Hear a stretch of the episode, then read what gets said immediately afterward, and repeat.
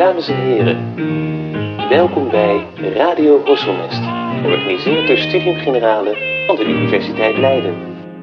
Beste luisteraars, welkom bij een nieuwe aflevering van Radio Horselnest. Ik ben Norbert Peters van Studium Generale en vandaag schrijven Kester Freriks en Martijn Storms bij ons aan. Met deze twee heren ga ik in gesprek over een nieuwe boek Grensverkenningen. Langs oude grenzen in Nederland, verschenen bij uitgeverij Atheneum. Een prachtboek rijkelijk geïllustreerd met historische kaarten uit de collectie Bodon Nijenhuis. Precies anderhalve eeuw geleden schonk de verzamelaar Johannes Tiberius Nijenhuis zijn uitgebreide cartografische collectie aan de Leidse Universiteit.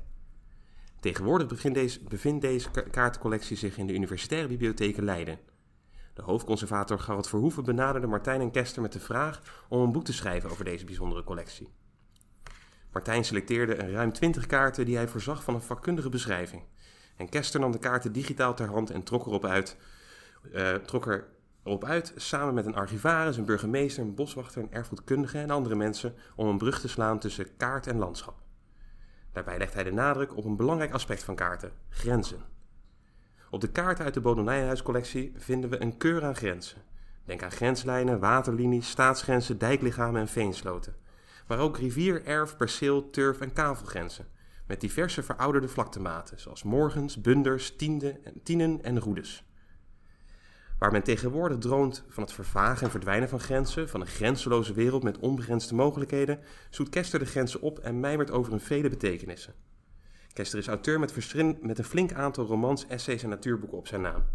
Van zijn hand verschenen onder meer Stilte, Ruimte en Duisternis, Verkenningen in de Natuur, Verborgen Wildernis, Ruige Natuur en Kaarten in Nederland en Wandelingen der Nederlanden, hedendaagse voetreizen door historisch Nederland. Daarnaast is Kester verbonden aan de boeken- en cultuurredactie van de NRC.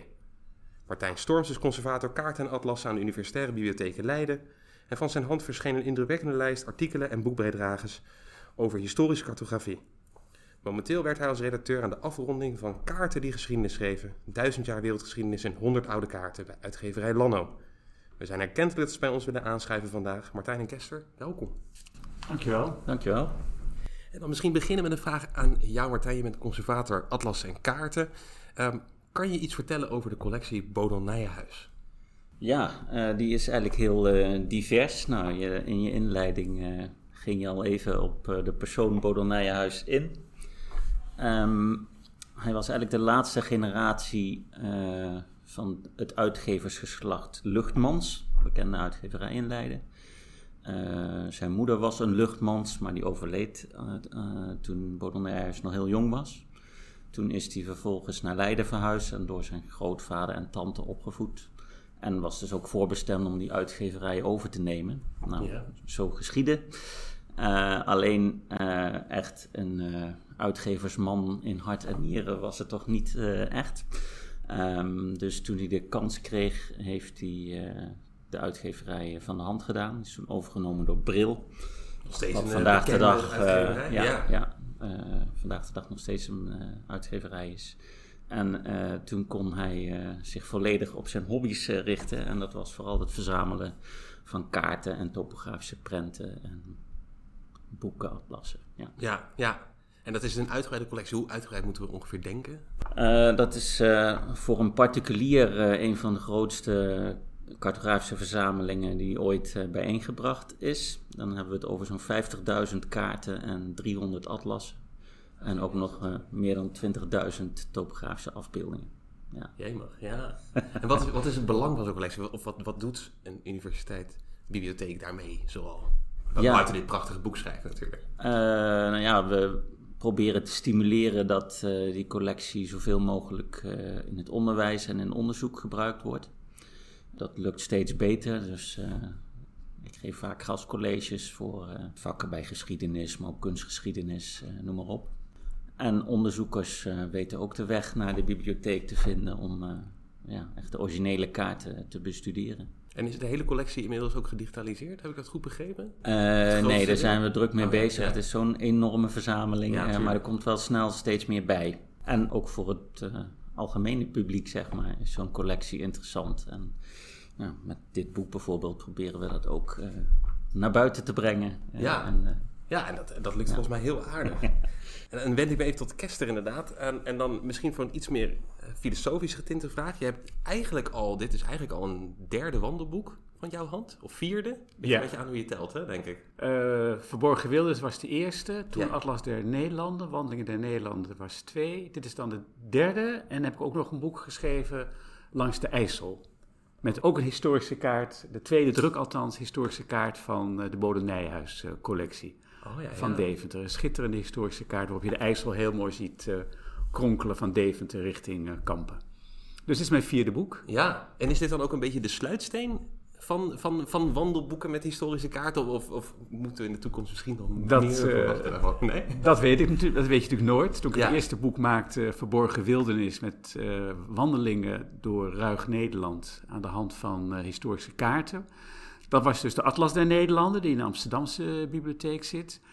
Dat had ik nu niet verwacht dat ik ooit dit boek zou gaan schrijven, dat weet je nooit. Dus eh, ja, ik, ik ben wel heel erg verslaafd geraakt aan het onderwerp. En vooral het onderwerp van de historische kaart in relatie tot het heden. Dat, zijn eigenlijk, dat is de kern van al die, al die vier eh, boeken. Zoals het andere boek aangeeft, eh, Atlas der Nederlanden, eh, hedendaagse wandelingen door historisch Nederland. Ja, want dat is inderdaad een terugkerend thema naar het einde. Jij loopt, jij loopt eigenlijk als een hele andere wandelaar door het landschap. In plaats Ja. van met... Je loopt ook met moderne apparatuur, neem ik aan. Ook met je mobiele telefoon en ook met Tuurlijk, eh, ja. recente kaarten. Ja. Maar je loopt met historische kaarten door, door het hedendaagse landschap inderdaad. En, Ja. en ehm, ja, wat leert dat ons? Wat leert dat ons? Die relatie tussen die oude kaarten en dat, en dat, en dat hedendaagse landschap. Ja, dat is voor, vooral voor een land als Nederland is dat eh, het meest, wat dat betreft het meest uitgelezen ideale land voor mij om dit, dit uit te oefenen, deze contrapunt, zeg maar, historie eh, hedendaags. Omdat de beroemde zin in Nederland is, in elk boek kom je dat tegen als het over Nederland gaat.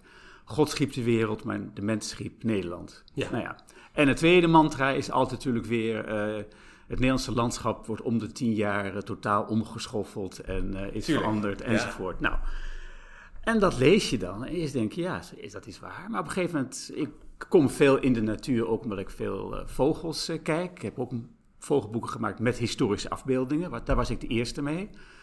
En ehm, toen dacht ik, ja, maar ik zie toch nog heel veel elementen van vroeger in die landschap. Ik zie opeens een, een, een, een, greppel lopen of een oude een, een, een rivieroever of een rivierduin. Midden in Flevopolder heb je opeens een rivierduin. Ik zie bospercelen die, op, ja, die, die wijzen terug naar het verleden. Dus ik kwam eigenlijk steeds meer achter dat in het hedendaagse landschap veel meer terug te vinden is van vroeger dan we eigenlijk algemeen aanvaarden of denken. Ja. Nou, dat heeft, mij, dat heeft mij ertoe geïnspireerd eigenlijk om, als ik ging wandelen, om die hedendaagse, om die eh, historische kaarten als uitgangspunt te nemen. Ik, ik ga naar die historische kaarten kijken, ik neem die mee, geprint of gefotocopieerd.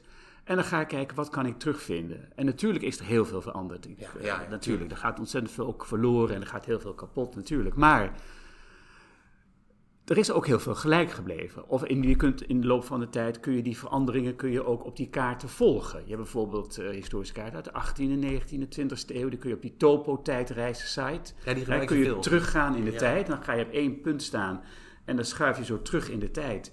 En dan zie je bepaalde ja, nou, rivierlopen natuurlijk, maar ook dijklichamen, eh, beken, valleien. Ja, die zijn toch wel terug te vinden en ze veranderen. Dus ik vind eh, dat een heel mooi aspect om op die manier naar het landschap te kijken. Door, de, door het venster, als het ware, hè? venster van een eh, historische kaart. Ja, ja, ja. Ja, prachtig. En het wordt eigenlijk dan bijna ook soort spoorzoeken dan.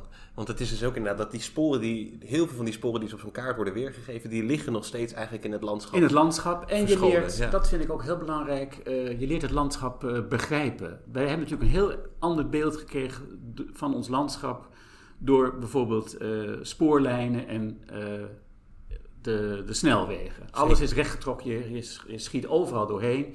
Je ziet geen oude elementen meer. Maar eh, die zijn er nog wel degelijk. Bijvoorbeeld als je in Groningen, Stadskanaal, eh, Stadskanaal, die lange, dat lange, recht, lange rechte kanaal, dat, Ja. dat eigenlijk de Semslinie volgt tussen Groningen en Drenthe. Ja, er zijn natuurlijk, ik vraag me af, wat een geweldig mooie rechte lijn is dat. Maar er zijn heel veel mensen die denken, oh, er loopt gewoon een kanaal. Kaarsrecht toe. Maar het landschap vertelt je eigenlijk, als je dan uitstapt uit je auto... of je stopt even met wandelen en je gaat om je heen kijken... en je pakt zo'n kaart erbij... dan begrijp je het landschap. Dat is het eigenlijk veel meer. Je krijgt begrip voor uh, de ontstaansgeschiedenis van het landschap. Ik schrijf ook ergens in het boek: historische kaarten zijn een geheugen van ons landschap. En dat vind ik eigenlijk heel belangrijk. Ja. En dan heb je voor dit boek eigenlijk ten aanzien van kaarten heb je een heel specifiek element uit kaarten uitgelicht. Wat, wat eigenlijk bijna alle kaarten gemeen hebben: grenzen. Ja. Waarom, waarom het element grenzen? En niet, niet bijvoorbeeld kerk of dorpsgemeente. Of, of, hè? Je, je kan natuurlijk van alles nog wat kiezen. Ja, nou, dat was natuurlijk ook het verzoek van uh, Martijn en uh, Verhoeven. Die, uh, die kennen de kaartcollectie en hebben gedacht: hé, hey, er zitten toch wel heel veel bijzondere grenzen in die kaart. En niet alleen de kaarten uh, de grenzen van staatkundige aard, wat je natuurlijk heel gauw denkt. Ja. Daarom heet het boek ook nadrukkelijk langs oude grenzen in Nederland. Ja, en niet ja. langs Nederland of van. Nederland. Dat is een heel groot verschil. Ja, want je denkt inderdaad In aan de landsgrenzen. Als Dat dachten veel grens, mensen ook Ja. die ik sprak. Oh, ro- loop je zeker rondom de grenzen. Ik zeg, nee, ik loop in Nederland langs de grenzen. Ja, ja. En achteraf blijkt dat een eh, nou, behoorlijk geniale gedachte geweest te zijn, de grenzen. Omdat natuurlijk eh, nou, corona kwam, we werden opeens weer ons bewust van grenzen. Zeker. Oorlog met Oekraïne, opeens lees je weer elke dag in de krant over grenzen. Dus zij hebben dat idee van grenzen bedacht. En ja, ik moest daar natuurlijk een invulling aan geven. Want ja, een telefoontje van Garold, Kersten, de, wil je dat doen? oh, Ja. ja. en dan? Nou ja, ja, dan ga je langs die grenzen lopen. Oh ja, goed, hoe gaan we dat aanpakken, Garold? Ja, nou, dan loop je langs die grenzen. Goed. Nou, toen dacht ik, ik eh, ga dat niet alleen doen. Ik ga van, bij iedere provincie vraag ik eh, iemand, of in Leiden, Zuid-Holland, dus zes aparte wandelingen, vraag ik iemand om mee te gaan. Iemand die dat land kent. Want ik had natuurlijk op een gegeven moment wel heel veel gelezen over grenzen.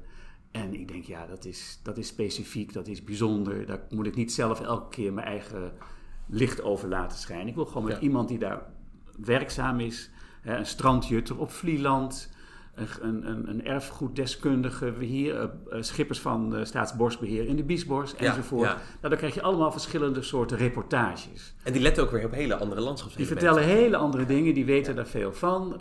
Die, die hebben ook hun eigen inbreng. Die vonden het allemaal ongelooflijk spannend om met de hand van die kaart die ik al van tevoren even opstuurde, hun eigen gebied nog eens te gaan bekijken. Die, die, die boswachters, die schippers van, Staatsbosbeheer, van de Biesbos, die vielen van de een in de andere verbazing. Toen we er echt gingen varen met de boot, en met natuurlijk hedendaagse navigatie, maar wel met een enorme print van de Biesboskaart. Oh, kijk, dat loopt er nog steeds. En die meander daar en daar en dit hoekje en die oever. Het staat er allemaal in. 200 jaar, 300 jaar geleden. Dus voor hun was het ook een enorme verrassing. Dus hun enthousiasme inspireerde mij weer om ja, daar heel leuk en, en bijzonder eh, en ook enthousiast over, over te schrijven. Ja. En Martijn, ja, Kester zei het al even, het is eigenlijk in het Gerald Verhoeven en jij die met dat idee kwamen om te letten op grenzen. En, en hoe kwam je dan inderdaad aan, eh, aan de kaartselectie, of hoe, hoe kwam die selectie tot stand? Want je zei net al inderdaad, wat is het, 20.000 of 50.000 kaarten? Dat is Ja. toch wel redelijk wat? Ja, het ja, het scheelde dat we ons eh, voor dit boek beperken tot Nederland. Dus eh, dan eh, hou je een derde van de kaart ongeveer over. Eh, en waarom grenzen? Ehm, nou ja, eigenlijk de oudste kaarten die eh, gemaakt werden, zeker de lokale kaarten, die werden gemaakt om grenzen vast te leggen. Of het eigen territorium eh, af te bakenen. Of soms was er een geschil tussen twee partijen om een grens. Nou, dat zijn eigenlijk de eerste aanleidingen waarom mensen kaarten op papier gingen tekenen. Dus dat leek ons een mooi idee om dat te pakken. En ja, vrijwel elke kaart, eh, daar staan grenzen op. Zeker, Ja. zeker. Ja, Ja. natuurlijk. En, en dan, maar dan begint het eigenlijk met een met misschien wat ongewone kaart. Eh, eh, want je beginnen heel dicht hier in de buurt, Rapenburg, met eigenlijk twee plattegronden, of, of eigenlijk ja, twee plattegronden van één huis. Ja. Eh, Rapenburg 69, als het goed is, toch? Zeker, Rapenburg 69 Ja, A en B. Ja, ja, ja, ja, Ook ja, dat ja. nog. Inmiddels aan elkaar gesmeed tot, Ja, tot, tot, ja. tot één huis naast het academiegebouw. eh. ja, Klopt. Ja, dat was het huis waar eh, eh, de familie Luchtmans woonde. Dus ook eh, Johannes Tiberius Bodel-Nijenhuis, onze kaartenverzamelaar. ja. Eh, dus ja, als man die al die kaarten bijeen heeft gebracht, leek dat eh, een mooi startpunt om eh, het boek eh, mee te beginnen. En, en die plaats kent eigenlijk een hele lange geschiedenis van de, de drukkerijen, Ja. boek, boekhandel, toch? Kan Ja. je daar iets over vertellen? Wat, wat, wat gebeurde daar? Ja, nou ja, de uitgeverij Luchtmans zat daar eigenlijk al eh, vanaf het einde van de 17e eeuw. En eh, daarnaast, dat is dan wat nu Rapenburg 71 is, Ja. eh, daar zat eh Elsevier en eh, nou ja, alle grote uitgevers eh, zaten in dat hoekje pal naast het academiegebouw. Dus eh, dat was een eh Ja. bruisend eh, gebeuren van, eh, ja, van boekenactiviteit. Ja, ja, precies. Alleen stopt het dus eigenlijk bij Bodel Nijhuis. Ja. met, met, Ja. met, met, eh, met, die met drukkerijen wel, ja. en de uitgever. Ja, natuurlijk. Ja. Ja. je krijgt natuurlijk wel dat prachtige historische pand Bril aan, aan, de, aan de Rijn. Ja. Eh, dat er nog steeds ligt. Dat is niet meer in gebruik volgens mij. Maar Nee, is ze hebben nu een nieuw pand. ja. Volgens mij, ja. Maar ze, verder ze- eh, buiten de stad. ja, maar ze zitten nog steeds in Leiden. Ze toch? zitten nog steeds in. Leiden, ja. Ja, dus er stond nog een soort staartje met, eh eh, ja, met, met. En wat, wat zijn dan bijvoorbeeld punten in het leven van Bodel die we nu nog steeds kunnen terugvinden in Leiden? Zijn er, zijn er bepaalde plekken die ook eh, ja, zich samenvlechten met zijn levensgeschiedenis? Ja, nou ja, zijn leven speelde zich toch eh, grotendeels in Leiden af.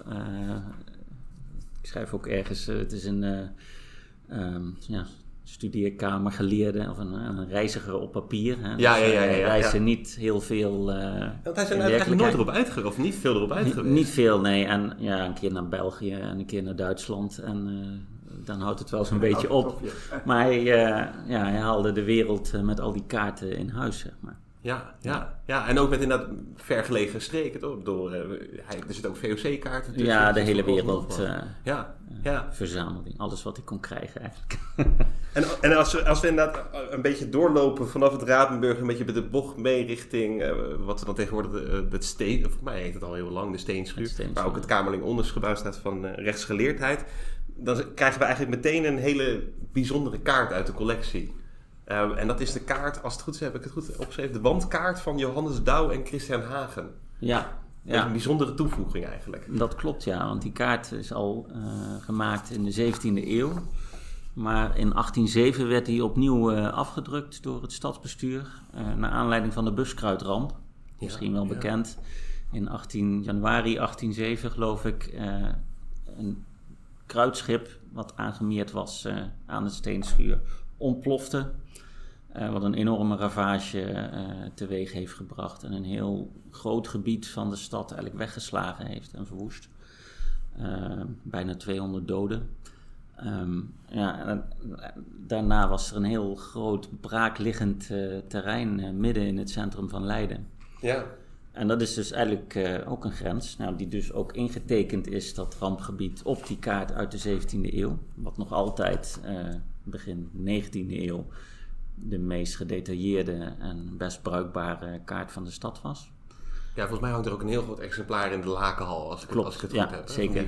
Ja, Ja, ja. Is ook inderdaad heel lang in gebruik geweest als eigenlijk de standaardkaart was, voor, ja, was voor, eh, voor meer Leiden. dan een eeuw eh, de standaardkaart. Maar dan zie je nu inderdaad eigenlijk een rood, rood gemaakt gebied. Dat is dan waar die ramp zich heeft Ja, heeft een kleinere versie van die kaart, daar heeft de vader van Bodel Nijenhuis met een soort rode lakverf eh, het rampgebied ook ingetekend. Oh ja, ja, ja. En eh, nou, waarschijnlijk is dat eh, een van de kaarten geweest waar de interesse van Bodel Nijenhuis gewekt is om kaarten te verzamelen. Hij was negen jaar toen de ramp gebeurde. Hij woonde natuurlijk vlakbij. Eigenlijk, Ja, eh, om de hoek. Om de hoek. Het oorverdovend, 500 meter. oorverdovende knal zijn Ja, geweest dus voor zo'n klein jongetje moet dat toch een enorme indruk eh, gemaakt hebben.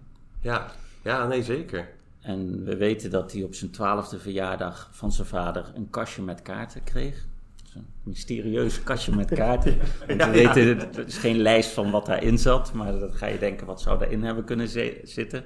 Dan denk je, ja, misschien wel die kaart waar zijn vader dat buskruidrampgebied op heeft ingetekend. Ja, ja Eh, omdat het dus inderdaad ook zo dicht in de buurt is. En als je in de collectie kijkt, dan zie je ook dat hij echt ontzettend veel kaarten die met die buskruidramp te maken hebben verzamelde.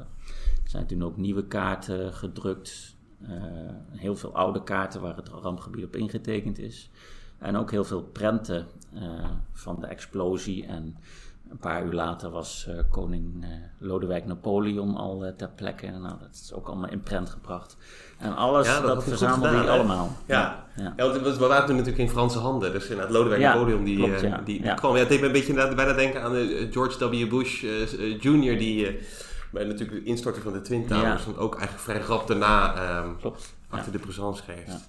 Ja, en, en, en Kester, jij, jij vergelijkt het in het boek met, ehm, met de vuurwerkramp in, in Enschede. En ik denk een hele terechte vergelijking. Alleen worden de twee rampen eigenlijk op hele andere manieren eh, ja, gememoreerd. In, in, in Ja. Enschede heb je een prachtig eh, monument. Ja, het Roombeek-monument. ja, ja. Ja, met als opschrift, eh, er is een leegte in de...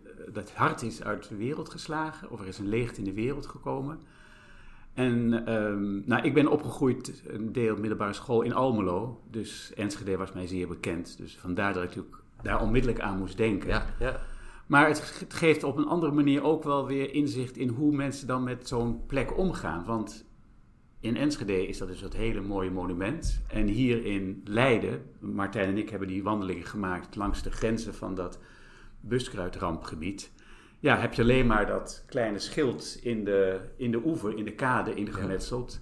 Van eh, hier lag eh, het kruidschip dat ontploft is op 12 januari 1807. En dat is eigenlijk alles. En dat hele Van de Werfpark, dat zou ook een groot monument krijgen. Hadden ze al hele mooie tekeningen van gemaakt, Oh, ja, ontwerptekeningen. Ja. Een beetje een soort vorstelijk paleis. Met van die gaanderijen, en, eh, of een obelisk of wat dan ook. Daar heeft de Bodenijs ook allemaal afbeeldingen van. Maar daar is dus niets van terechtgekomen. Dus die hele herinnering, behalve dus dat schildje wat je niet kunt zien eh, vanaf de kant. ehm, aan dat park is dus eigenlijk, af aan de buskruidenramp, is dus eigenlijk weg, Ja. verdwenen. Ja. Maar de, de grenzen die zijn nog steeds eigenlijk...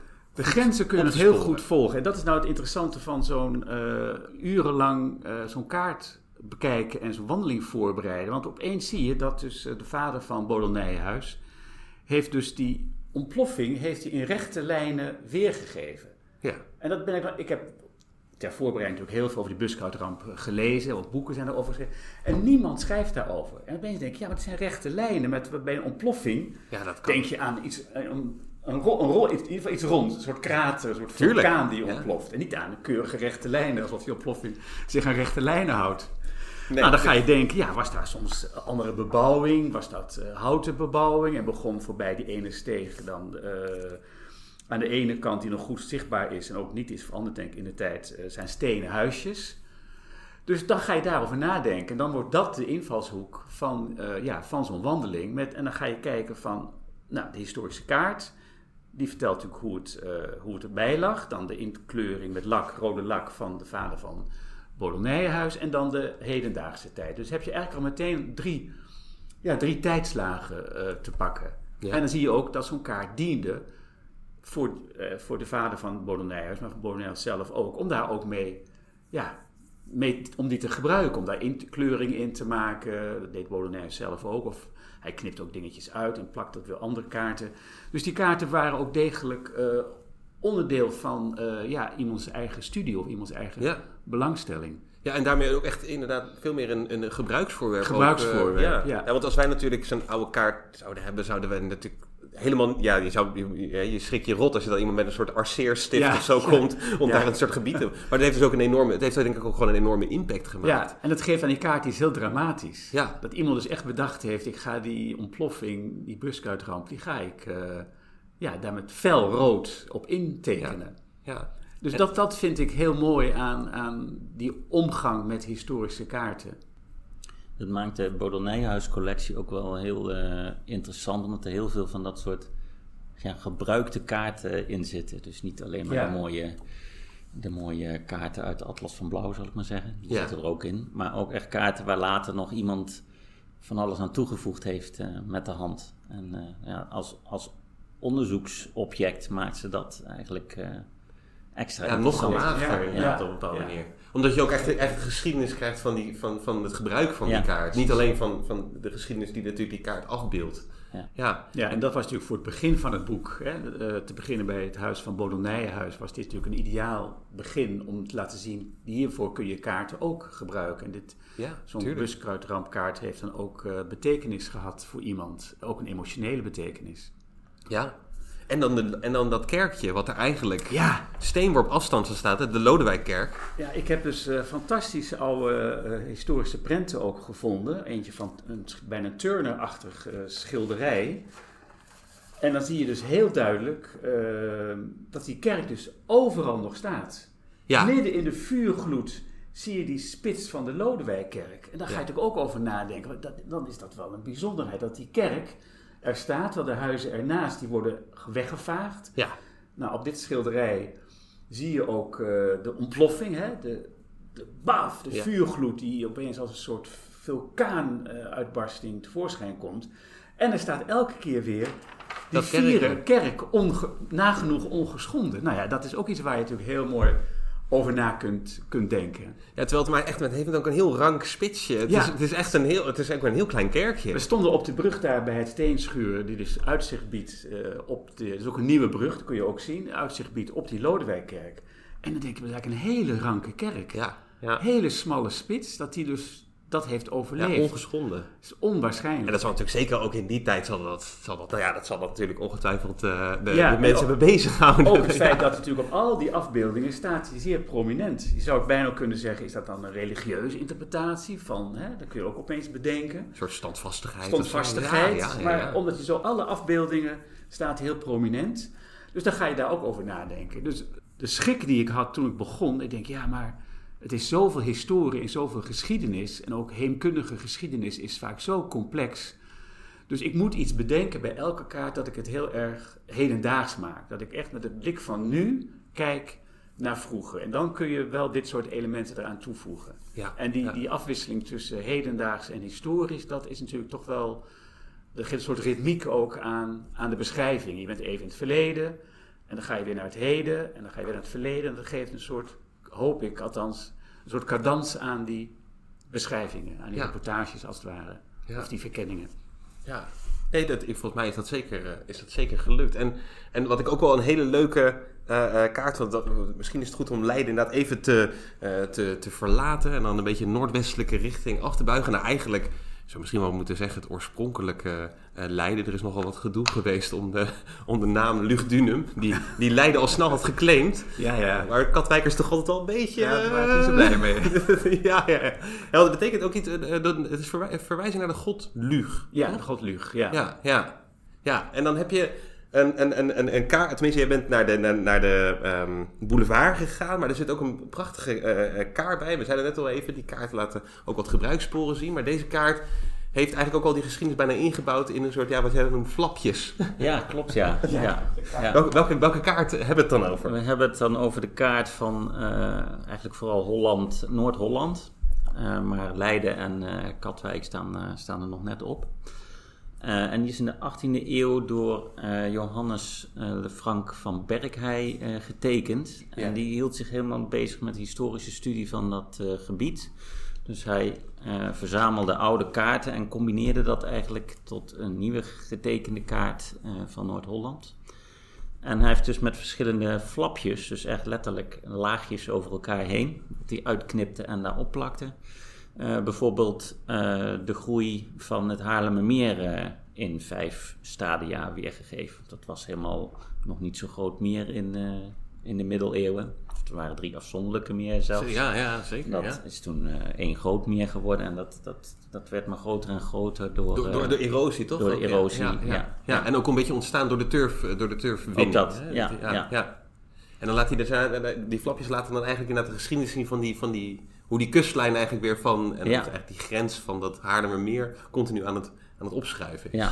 Ja. Ja. En eh, nou ja, het verhaal in het boek gaat dan eh, vooral over het hele hoekje linksonder op die kaart. Want er staat een hele eh, ja, vrij gedetailleerde plattegrond van, van de Brittenburg. Ja. Het Romeinse kasteel, wat helemaal aan het begin En, en van de Limes... Toch? En eh, Callas Toren, ja, dat was nog een, een soort vuurtoren, nog verder naar het westen.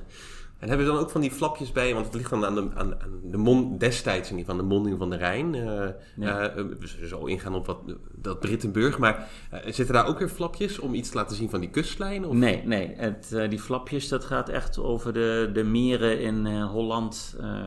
Ook de andere inpolderingen, de droogmakerijen, die, die hebben allemaal die flapjes. Maar Oh ja, ja, ja, precies. Want uiteindelijk is het natuurlijk inderdaad dro dro ja, drooggelegd. Dat was Ja. een hele klus volgens mij met Haarlemmermeer. Ja, Holland, zeker Noord-Holland, was een enorme gatenkaas. Met, eh, er was bijna meer, meer water dan land. Dus met allerlei inpolderingen is dat... eh, Ja, ja. Ja, volgens mij is het toch ja, leegwater die zich daarover eh, beklaagt dat dat echt moet worden ingepolpt, dat Haarlemmermeer. Want dat is ook wel ook gewoon gevaarlijk. Ja. Want de, de- de- af en toe dan zakten er gewoon echt ook huizen en zo eh, in dat meer. Ja, Zeker. maar dan inderdaad die, die eh, Fort Brittenburg. Eigenlijk een beetje een mythische Ja, plek een beetje. Je noemt op een gegeven moment ook volgens mij Atlantis van... Atlantis van Nederland, Van Nederland. monster van Loch Ness. Ja, ja. Ja, daar was ik dus met eh Reinder Storm. Niet te verwarren met Martijn Storms. Nee, nee, nee. Maar de, de conservator van de Universiteitsbibliotheek eh, Bijzondere Collecties van Amsterdam. En eh, nou, wij liepen daar op een, eh, op een extreem mooie zomerse dag in september vorig jaar. Dit hele boek is dus geschreven, of die wandelingen zijn gemaakt in vorig jaar, 2021. Ja. En ja, wij beelden ons gewoon echt in dat daar, die plek, waar de Oude Rijn dus uitmondde in zee, dat daar verderop dus ooit eh, Brittenburg lag. En ook door die fantastische afbeeldingen ervan, ook van Cortelius, hadden we natuurlijk wel een visueel idee van eh, dat daar die, dat, dat vierkante fort of kasteel heeft gelegen. Met Ja. inderdaad die, die, die toren, die Callas toren ver vooruitgeschoven.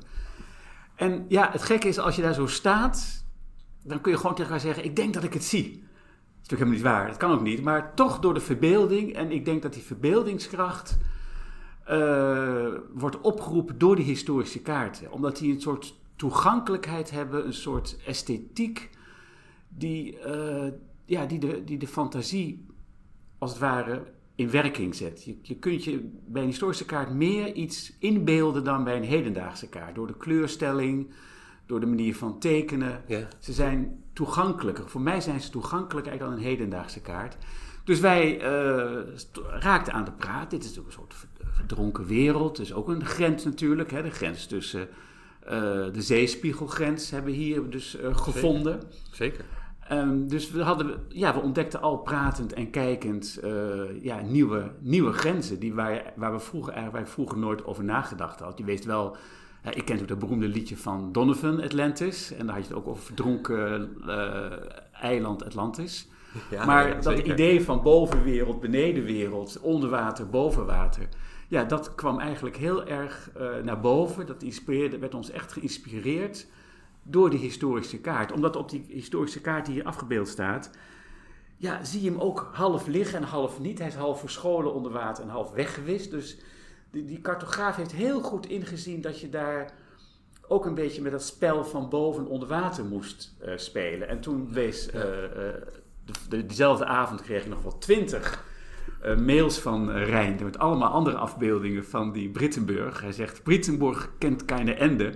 Nee, nee, nee. En dan heb je dus die beroemde van Ortelius. En daar, als je daarop goed kijkt, dan zie je dat dus mensen die Brittenburg aan het afbreken zijn. Af en toe bij aflandige wind en, en bij eb Ja. kwam die dus bloot te liggen. 15 zoveel is dat gebeurd een paar keer en nog tot in 16 zoveel. Oh, dan kon je met laag water, Laag kon, water kon, kon, kon je nog, restanten... kon je nog restanten zien. En Ja. dan zie je mensen Ja. met kruiwagens. Ik zag dat niet meteen, maar eh Rijn de Storm wees me op. Met kruiwagens waren ze die Brittenburg aan het afbreken. En dat begrijp ik wel, want het is natuurlijk steen. Ja. De steen is natuurlijk geld waard. Ja. Dus dat, is, dat is ook een reden. Het is niet alleen maar verwoest door de zee. Nee, ook de mens zelf heeft hem afgebroken. Dus dan vertelt zo'n plek waar je alleen maar wat eh, golven ziet, eh, vertelt ons toch eigenlijk heel veel over wat er allemaal mogelijk onder die golven schuil gaat. En Ja. die historische kaarten, die roepen dat op. Ja, ja, zeker. En, en vooral ook omdat het is natuurlijk ook nog eens een keer naar de noordergrens van het Ja, Romeinse Rijk het aan Natuurlijk, dat is natuurlijk de belangrijk. Limes. De Limes, daar eindigt het eh, Romeinse Rijk. Ja, ja dan- daar rijdt het echt daadwerkelijk in, eh, in zee. In zee, Ja, ja. dat is ook nog zo mooi. Dus je, en dan ga je, die, ga je natuurlijk weer op de andere kaarten. Die eerste kaart, eh, die Peutinger kaart, staat ook die, die limes op.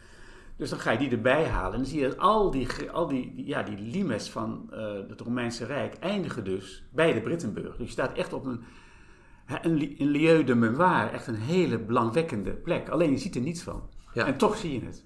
Ja, en toch do- dankzij die Zo, kaarten. zo werkt het eigenlijk. En je zegt ook al heel terecht inderdaad, want natuurlijk, dit is natuurlijk ook gewoon het restant inderdaad van het opschuiven van, je zegt inderdaad voor een deel is het afgebroken door de mens, maar het is inderdaad ook natuurlijk een resultaat van het opschuiven van zo'n grens, Van namelijk zo'n de zeespiegel. De zeespiegel. En dan Ja. zie je ook dat op deze kaart staat de Andreaskerk, dus de, kaart van Katwijk, de kerk van Katwijk. Op deze historische kaart staat die behoorlijk ver van de kust af. Ja, En nu tuimelt die kerk bijna de zee in, want die, die kust dat is maar een paar meter. Want die kustlijn wordt natuurlijk door de stroming ook weer afgekalfd. zeker. Dus dan, dan besef je ook opeens hoe het daar vroeger lag en hoe die kerk vroeger veilig was. En nu dus, nou nu wel door de hedendaagse bouwwerkzaamheden, maar nu toch duidelijk minder veilig, eh, veilig ligt aan die kustlijn. Dus Ja. zo geven die kaarten ook eh, de verandering van het landschap weer. Ja, De dynamiek ook- van ja. het landschap. En die natuurgrenzen die dus ook niet vast liggen. Hè? Ja. Die, ja, die mens, mensgemaakte grenzen liggen natuurlijk al helemaal niet vast. Nee, Maar die natuurgrenzen dus eigenlijk ook, ook helemaal niet. Nee, die Nee. veranderen ook voortdurend. Ja, we, en- zagen, we ja. zagen dat ook eh, bij de kaart van eh, Vlieland. Ja. Het dorp West-Vlieland, wat eh, nog prachtig. heel mooi op die kaart staat, maar wat eh, niet lang nadat die kaart gemaakt is, eh, in de golven verdwenen is. Ja, en de golf verdween en is overstoven door duinzand. Dat gebeurde ook heel veel. De, Ah, ja, de, ja. Wadden, de Wadden kenden vroeger geen enkele boom. Op de hele Waddeneilanden stond geen enkele boom. Dat pas van de eind 19e eeuw. Dus die Waddeneilanden waren helemaal kaal, allemaal duinzand. En dan zie je op die kaart ook dat ze stroopplantingen doen, dus s- eh, eh, helmgras planten. Ja, ja. Dat gebeurde toen al, want die houden dan het duinzand vast. Maar je leest ook in, in historische beschrijvingen dat, eh, dat dus eh, dorpen en huizen door zandstormen echt ondergestoven werden. En dan kon je dus gewoon ook niet alleen verdrinken in het water, Ja. maar je verdronk als het ware ook in het zand. ja, dat is zo raar om dat te bedenken. Want dan denk je veel eerder aan de woestijn of aan de Sahara. Ja. Maar die stuifduinen, dat moet iets, eh inderdaad iets heel Dat is overweldigends zijn. Dus dat, dat, wat Ja. West-Vlieland is waarschijnlijk, en door de combinatie van, eh, ja, van, van zeestormen en zeeslag en door zandstormen, is dat, is dat verdwenen. En het leuke is, eigenlijk is de oorzaak, ligt nog weer een stap terug. Want je had Texel, en Texel en Eierland waren twee afzonderlijke eilanden. Groot Texel en een klein Eierland, een kleine eiland. Daar hebben ze een stuifdijk tussen ge- aangelegd in eh, ze- 16e eeuw. En die stuifdijk heeft natuurlijk de golven veranderd. Die heeft die golven gestuurd naar de kop van West-Vlieland. En daar lag dat dorp. Ja, Dus daarom is het ook verdwenen. En ik was daar met een strandjutter, een historisch eh, maritiem kenner, maar hij, hij is ook strandjutter. En die vertelde dat allemaal. En dat is waanzinnig interessant hoe dat allemaal in elkaar greep. En hij stuurde mij naar de hand nog een, een pdf toe van ruim 200 bladzijden, berichten aan de koning, uit het eind van de 19e eeuw, hoe dat allemaal daar zo is gebeurd als er gebeurd is met West-Vlieland. Dus er werd toen, toen al in die 19e eeuw enorme studie naar gedaan. Ja. Hoe het kon en wat de oorzaak was. Dus dan zit je heel diep in die historie. ja, en dan zie je net ook dat er ook nog eens een keer een soort samenspel is tussen die natuurgrenzen of de natuurprocessen en wat dan Ja. de mens. eh, dat, dat je, ja, je legt in één keer een dijk neer en in één keer neer. verandert er. En dan verandert in die alles. stroming, die, dat stond ook heel prachtig beschreven in dat bericht aan de koning. Die stromingen worden daar natuurlijk enorm door beïnvloed. En toen dacht ik, oh ja, je hebt natuurlijk niet alleen maar, wij denken bij stormen eh, alleen maar de, de storm, hè, de noordwestenwind die zo pal op ons land beukt. Ja, Maar je hebt ook natuurlijk ja, zijdelingse stromingen. En die kunnen ongelooflijk sterk zijn. ja, ja. Nou, en het nadenken daarover, vind ik, eh, wordt versterkt door historische kaart. Althans in mijn, in mijn, in mijn geval. Omdat je dan toch beter overzicht krijgt door de gedetailleerdheid, maar ook door de leegte af en toe ervan, door de ruimte die ze hebben, hoe het misschien in zijn werk gegaan is. Ja, het is ook inderdaad het is bijna een soort restance non présent. Het is, het is iets wat, Ja, een, een, een restantie dan nog op zo'n kaart van iets wat dan eigenlijk inderdaad in het, in het hedendaagse is, is, is het weg. Dit laat Is ook het veel- weg. Ja, ja, ja. Natuurlijk, ja. is te ingevuld. Dus een soort, het is een soort oningevuldheid in die kaarten. Ondanks de precieze detaillering is er ook een soort oningevuldheid die je, die je fantasie prikkelt. En ze hebben natuurlijk gewoon essentiële dingen gebruikt. Ze hebben bijvoorbeeld die strooplanting, hebben ze een paar keer afgebeeld. Dan denk je, oh ja, dat is dus die strooplanting. Dat is die helmgrasplanting. Ja. En dan begrijp je zo'n kaart. En dan begrijp je ook als je daar staat. Ja, en dan, en dan ook dat je dus echt ook, dat het een noodzaak is om die duinen een beetje te temmen. Ja. Eh, wij, wij zien dat natuurlijk nu vooral eigenlijk toch een beetje toch wat statischer vanwege die beplanting. Ja, Ehm, maar dat is natuurlijk heel anders geweest.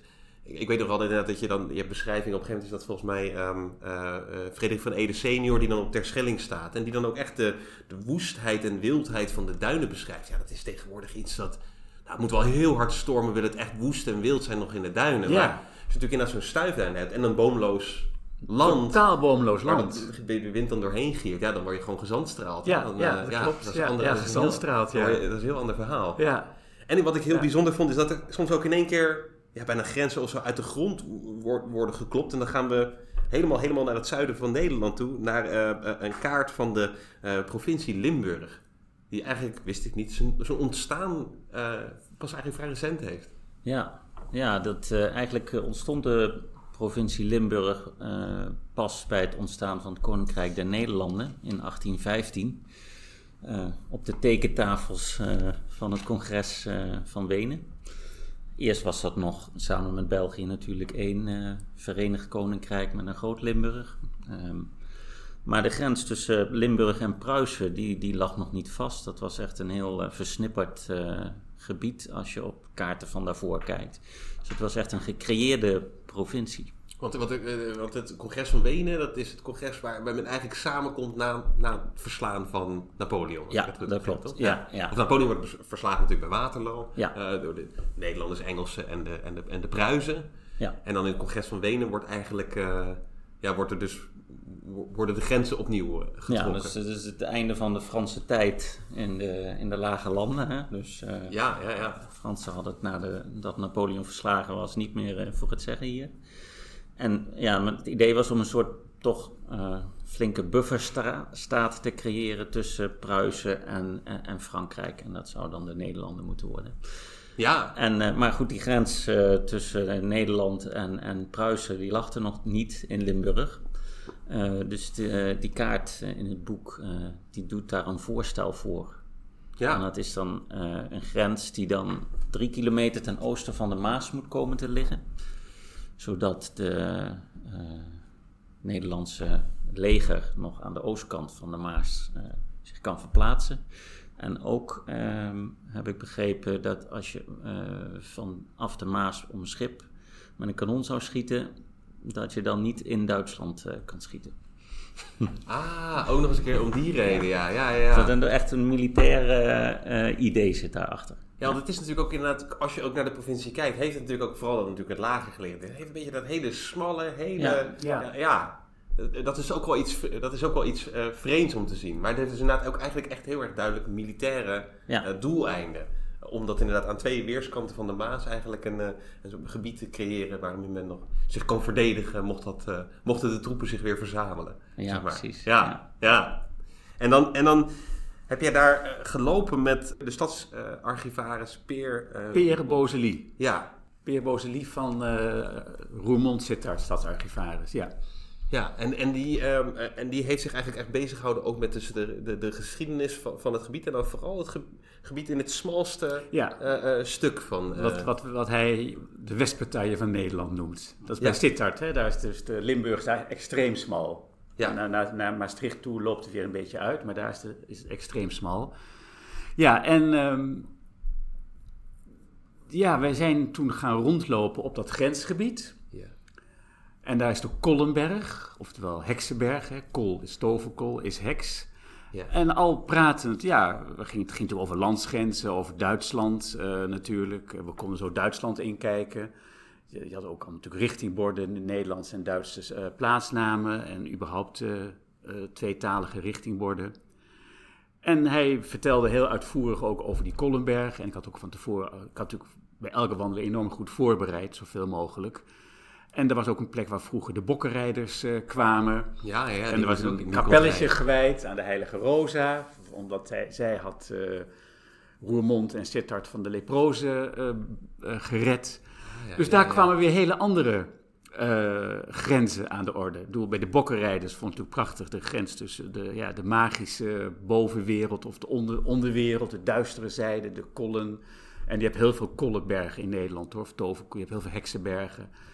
Dus ja, ja, toen- plekken die nog niet natuurlijk waren ontgonnen of niet dan in Nee, kaart dat- werden gebracht. Ja, en Ja, het was natuurlijk daar een soort kloof was daar. Er was een soort, eh, die heuvel die er is, die had een soort, ja, een soort, eh, soort recht aflopende vallei als het ware. En daar kwamen natuurlijk mensen samen, weet je, dat was zo'n heilige plek.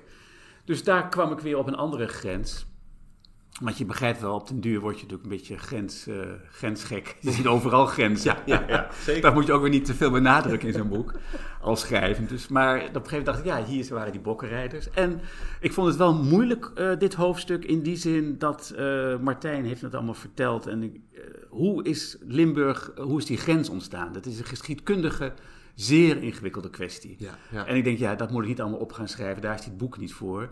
Want ik ben toch uit, al uitgegaan van het, zeg maar, het aardrijkskundige element. Van wat zie ik aardrijkskundig rondom die Kollenberg terug. En die geschiedenis moet daar dan maar met een kleine zijzin uh, bij komen. Ja. Maar um, Peer Bozeli wist daar ook heel veel van. En we keken naar Gangelt, dat ligt nu in Duitsland. Maar na de oorlog is dat door Nederland opgeëist. Als wie de Goedmachung moest Duitsland grondgebied afstaan. Ja, ja, ja, dus daar en die mensen werden opeens van de ene dag op de andere werden ze uh, van Nederland naar Duits grondgebied. En dat is pas in 63 weer teruggegeven. Dus toen zei hij ook, en dat zijn, vind ik, gouden zinnen. Voor die mensen duurde de Tweede Wereldoorlog tot 1963. Ja. En dat werd ook natuurlijk een domein van smokkelaars, uh, van, uh, van illegale handel, van sigaretten en boter. Dus daar gebeurde rondom die Kollenberg gebeurde van alles. En als je dat niet weet, dan denk je, nou, leuke heuvel, zandheuvels, Limburg, mooi, vrij landschap, glooit een beetje. Maar als je het wel weet, dan zie je opeens ongelooflijk veel ja, historische dimensies. En het belang van de grens ook eigenlijk voor, en het belang van de grens. En dat ze dus gewoon weer een nieuwe grens hebben getrokken. Om dus eh, Duitsland te straffen voor hun eh, ja, invasie in, eh, in mei 1940. Dus dan denk je opeens, ja, die grenzen blijven natuurlijk altijd toch belangrijk. En wat Martijn in het begin ook zei. Een ideaal is natuurlijk de grenzeloze wereld. Hè? Onbegrensd, grenzeloos. Dat zijn in onze tijd en ons taalgebruik hele positieve begrippen. Zeker. Maar je moet het ook kunnen omdraaien en kunnen zeggen: ja, maar grenzen zijn ook in een bepaald opzicht noodzakelijk. Waar dus het laatste hoofdstuk met de grensfilosoof uit Vlaanderen zo mooi op aansluit. Dus daarom was dat ook het laatste hoofdstuk. Dat is zeggen, je moet grenzen ook koesteren. Ze nodigen uit tot dromen, tot nadenken. Ja. Dus toen dacht ik ook, ja, dat grenzeloze wereld, dat is allemaal zo wel mooi en prachtig en ide- klinkt idea- idealistisch. Maar je kunt het ook toch wel in ieder geval kritische vragen bij stellen. Ja, ja. ja want het belang voor die, voor, voor, voor die mensen die daar wonen is Ja. van zo'n grens is enorm. En het feit dat dan inderdaad uiteindelijk dan dit weer wordt teruggegeven, Ja. dat is dan toch inderdaad een, een nieuwe grens die wordt gelegd, die erkenning geeft aan dat, nou ja, dat er mensen Ja. ook van hun identiteit zijn bestolen. Identiteit en grenzen bieden toch identiteit. Ja. Ja, en ik vond het zo bijzonder omdat als we denken aan eh, hoge heren die grenzen trekken, dan denken we misschien vooral aan een continent als Afrika, Ja. eh, waar je inderdaad ook echt van die katsrechte lijnen allemaal, eh, ja. die echt bijna met een lineaal eh, zijn getrokken. Maar je denkt niet aan Nederland. Nee, Je denkt, ah, Nee. Nederland is al oud, dat is al wat ouder, dat, dat, die zijn die grenzen toch niet zo eh, tot stand gekomen. Eh, ja, dus ik vond dat inderdaad ook ja, bijzonder, want je hebt het ook inderdaad over de zelfkant dan. Hè? Dat, is, dat is dat inderdaad dat kleine stukje ja. aan de andere kant. Aan de van andere kant, ja. Ja. Wat dan inderdaad de hele tijd, eh, ja, een soort... Heen en weer ge- gegooid werd. Ja. Ja. Van eh, identiteit, van grens, van eh, woon je nou in Nederland of woon je in Duitsland. Nou ja, dat zijn natuurlijk toch ja, ingrijpende gebeurtenissen in een, in een mensenleven. En die, daardoor bleef die oorlog als het ware maar doorgaan in hun beleving. Want ze, ze werden opnieuw herverdeeld door die oorlog. Ja, ja. Op die kaart van, eh, van 1815, eh, dat is ook echt een voorstel voor een grens, en niet de definitieve eh, grens. Zie je dat ook nog allemaal plaatsen die niet in Duitsland liggen, toen nog eh, eh, als bij Nederland eh, gerekend worden. Ja, Dus dat, ja, eh, dat vind ik dan ook wel eh, interessant. Hoe Ja. zo'n proces op zo'n congres, eh, zo'n vredesverdrag eh, tot stand komt. En ook nog allemaal voorstellen gedaan worden die, die het dan uiteindelijk niet halen. Zeg.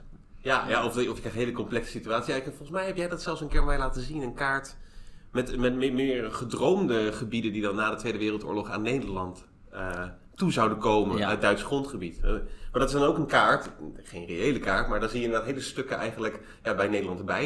eh, Ja, wat helemaal tot aan de Rijn, eh, dat hele gebied eh, Dat zou dan... eh, was een dat- voorstel. Dat Ja, is dan zo'n ja. voorstel, ja. Ja, ja. En dan zie je ook nog iets van die... Ja, dat die grenzen ook iets met, die, met misschien nog die wrok te maken hebben... of met de boosheid of de vernietiging die heeft plaatsgevonden. Ja. Dat is ook af en toe dan eerst zo'n voorstel van... we gaan gewoon de grens hier leggen. We gaan gewoon een heel deel van jullie land eh, inpikken eh, Ja. als straf. Dat zit er af en toe ook in. Dat zit erin, dat zit hier. Het is heel erg landveroveren, of wat wij vroeger deden op, uh, als scholieren. Landje pikken, met een, een, stuk zand afbakenen en met een mes erin zetten. En dan trok je een lijn, was dat van mij. En de andere die gooide zijn mes zo en die trok weer een andere lijn. Dat is eigenlijk precies wat, wat ze doen bij de congres deden. Ja, Grenzen trekken. Ja. En mensen de grenzen verleggen, daardoor de, grens, de mensen hun land afnemen. En, en, wat ik zo leuk vind, dat vind ik ook een mooi bruggetje naar de, de meest rechte, kaarsrechte grens ter wereld, is voor het eerst getekend in Nederland. Ja. Dat is voor mij ook zo'n ja, ja. een soort uh, uh, uh, eye-opener. Je hebt hem al even genoemd, de Semslinie. Semslinie, ja, ja geweldig. Geweldige vondst. Het past natuurlijk helemaal in het idee van de renaissance. Uh, rechte lijnen, de gulden snede. Uh, een rechte lijn zou vrede brengen, want die ligt vast. En een grillige lijn die gaat dan een beetje zo en een beetje zo. En waar loopt hij dan precies, dat weet je niet. En toen waren de twee landmeters, Sems en de La Haye, op verzoek van de provincies Groningen en Landschap Drenthe. Drenthe ja. heet toen Landschap Drenthe. En vooral Groningen, die was natuurlijk de grootste aanstichter. Mm -hmm. Omdat dat een oorlog was tussen die twee provincies over de veen. Niet, het, niet alleen het veengebied zelf, maar vooral het afvoeren van veen, dus turf. Dus uh, turf werd gestoken, dat moest natuurlijk allemaal afgevoerd worden. En er moesten ook uh, kanalen werden dan gegraven met sluizen, omdat het land natuurlijk steeds uh, lager werd. Tuurlijk, ja. Dat moest allemaal naar Groningen en van daaruit moest het naar, naar de, de Randstad, naar Amsterdam en Leiden en Den Haag vervoerd worden. Dus het vervoer van turf uh, via die uh, kanalen, dat leverde geld op in de vorm van tolheffing. Bij elke sluis moest betaald worden. Ja, ja. En nou, Groningen wilde zoveel mogelijk tol innen. En daardoor waren er aldoor strijd, strijdende partijen. Dus op een gegeven moment hebben ze gezegd, nou ja, wat is dan de beste oplossing? Een nieuwe grens trekken. Nou, dan trekken we gewoon een rechte grens. Dus daar loopt een 30 kilometer lange lineaal rechte grens van de Zuidoosthoek uh, van Groningen tot voorbij Ter Apel. Ja. loopt daar een lineaal rechte grens. Uh, die is naar de hand wel, Ter Apel viel toen eerst in Drenthe en Groningen wilde het graag hebben, want Ter Apel was een, een, klooster, een heerlijkheid, een kloostertuin, heel rijk. Dus toen is die grens opnieuw gelegd, getekend, maar om Ter Apel heen. Oh ja, ja. Dus, er zit een heel klein soort uh, kommetje. De koning, ja, die kommetje, de koningsraai, de koningsknik heet dat. ja, de koning 3. Maar verder inderdaad, ja, kaarsrecht. En het gekke, die rechte grens heeft natuurlijk weer gevo uh, tot gevolg gehad dat ze langs die grens gingen ze Stadskanaal dat, nu heet het Stadskanaal, dat is een plaatsje, maar daar was een, een, lijnrecht kanaal, kanaal naar de stad, uit Drenthe, dus in noordwestelijke richting, naar de stad, naar Stadskanaal, naar Groningen. En dat loopt daar. En dan kun je dus, dat is een fantastische plek om langs te lopen. Je hebt hele leuke cafés, die heten Café Het Keerpunt, want tot daar liep dan tot dat kanaal. En dan moesten de schippers keren. Nou, die gingen natuurlijk even een jenevertje halen. En er waren bioscopen bij en, en, mooie sluisjes, hele mooie kom, komvormige sluisjes. Dus daar on, ontvouwt zich uh, enorme verleden rondom dat veengebied. Ja, ja. En laat ook zien inderdaad hoe, hoe belangrijk veengebieden waren ja. en hoe belangrijk de Daar, turf was. Ons dat... hele, tot aan de bakst. En, en de, de veen, uh, dus de turf, zorgde ook voor dat steenovens konden branden. Niet alleen verwarming voor de huizen, maar de steenovens brandden vroeger op turf. Ja. Dus ja, het hele land draaide eigenlijk om, om veen. Het is echt ongelooflijk, maar... Ja, je noemt het ook het bruine goud. En de, het bruine goud, ja. Dat is natuurlijk heel, ja, dat is heel terecht, denk ik inderdaad. Maar we vergeten nog wel eens het belang, of hoe, hoe belangrijk dat, dat is, is geweest. Verschrikkelijk belangrijk. Ja. En, en die, die kaart van Overijssel, daar heeft... Ik wist helemaal niet wat, dat stonden allemaal getallen op een kaart van Overijssel. Ik dacht dat zijn de nummers die bij de eigenaren horen. En zei Martijn, nee, dat is de veendikte. En heb je echt dus ja. 7, 8 meter dikke veenkussens. Ja. Moet je je voorstellen hoeveel turf je daaruit kunt steken en hoeveel ja, verbranding dat gaf. En turf, als het gedroogd werd, brandde het heel erg lang. Het, het fikte niet echt, maar het, het smolt, het, het, het gloeide heel lang. Dus je was een hele zuivere, hele duurzame, zou je nu zeggen, een duurzame brandstof. Ja, ik heb was gedaan. Een ik heb een mysterie, die kaart. Uh, met, dat waren allemaal vierkantjes allemaal, met die nummertjes ja, inderdaad. Ja, echt een mysterie. En eerst dacht ik van, nou, dat is gewoon het verkavelingspatroon ja. op het moment dat dat ontgonnen wordt. Maar het is dus nog van daarvoor. En heeft een landmeter in de zomer van 1810, is dat geloof ik, dat hele gebied uh, doorgetrokken en op elk punt uh, ja, de dikte van dat veen gemeten. Dat waren En dat kussens, zien we op die kaart. waren veenkussens. Ja, dit zijn de hoogvenen, dit, hè? Dat, Ja. dat neem ik Ja. aan dan, toch? Ja, Ja. want je hebt inderdaad de hoogvenen en de, en de, en de, en de laagvenen. En dan is er inderdaad zo'n veenkussen. En dat Ja. deed je dan ongetwijfeld nog met een grondboor of zo, Ja, toch? zoiets, Eh, eh, ja, ja. ja, Ja. Om dat inderdaad te kijken hoe dik dat was. Ongelooflijk, hè? Ja, en hoe belangrijk dat was, dat, eh, dat veen. En, en hoe je dat kon exploiteren. Want dat zie je ook op die kaart. Dan zie je zo'n veen, zo'n veengebied. Hè? De Boertangerveen heeft dat bijvoorbeeld heel erg. Of, of eh, nou ja, alle ve- Emmercompascum. En dan zie je zo'n, als het ware, dat noemde Jan Werner, dat is de cartograaf met wie ik Atlas in Nederland heb gedaan. Hij zegt, dat zijn een soort ritsluitingen. Je ziet in zo'n veengebied, zie je dan een, een rechte lijn, Mhm. met daarop weer kleine haakse lijnen, de wijken. Dus alles werd dan eerst op zo'n kleine wijk, eh, ook water, naar die grote eh, waterloop gevoerd.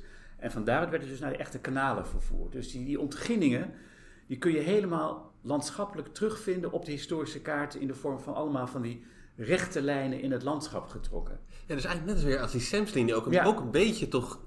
Bijna een soort ja. geometrische Maar dat stijl. was, dat, ja, die, die, ja. die, die, eh, die renaissance-idealen was natuurlijk iets van harmonie, van rechte lijn, van de gulden snede, van de, de driehoeken, driehoeksmeting. Ook een soort ordentelijkheid misschien. of Ordentelijk, ja. Dus je, opeens zie je in die woeste gebieden, dat was dan de crux van mijn boek Verborgen Wildernis, zie je in die woeste gebieden, zie je al die kaarsrechte lijnen lopen. Ja. En dat is zo fascinerend. Ja. En dat werd ook in die kaart natuurlijk een beetje eh, extra aange- aangemerkt, als het ware. Dan kon je goed zien hoe het daar ontgonnen was. Ook een soort trots sprak daar natuurlijk uit. Dus dan vertelt zo'n kaart heel veel over de geschiedenis van het landschap. En het gebruik van het landschap. Want die veendikten waren natuurlijk het gebruik van het landschap. Dat is de enige reden om die kaart te maken. Ja, ja, maar wel inderdaad bijzonder inderdaad hoe je eigenlijk inderdaad die, die, die eh, woeste, eh, ja toch moerasgronden, hoogvenen. En dan inderdaad zo'n, ja, zo'n inderdaad om orde te scheppen. Eigenlijk als eerste zo'n kaarsrechte eh, lijn. En dan, nou ja, tegenwoordig inderdaad, je kan willekeurige kaart van Nederland inderdaad bijpakken. Of je ziet het ook nog aan de slootjes en zo. En de slootjes zien, maar op de kaarten zelf staat het eigenlijk nauwelijks nog.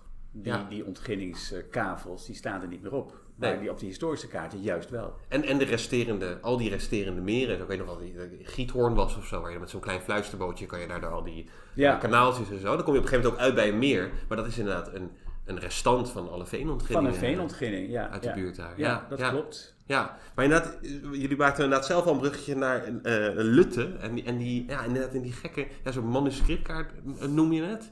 Ja, waar dat inderdaad allemaal ja, vakjes op staan. eh, eh, ja. Ja, Wat, wat moeten we daarvan denken? Of hoe moeten we dat lezen? Inderdaad? Die zijn dus al, die getallen die staan dus voor de, voor de dikte van het veenpakket. Maar hoe moeten we inderdaad verder zo'n kaart eh, begrijpen als je al die vakjes ziet? Nou, dat is dus echt eh, de fase voorafgaand aan de ontginning van dat gebied. Dus het was, eh, die kaart is, of die landmeter wel, is erop uitgetrokken in opdracht van de heer van Dedem, die het daarvoor het zeggen had.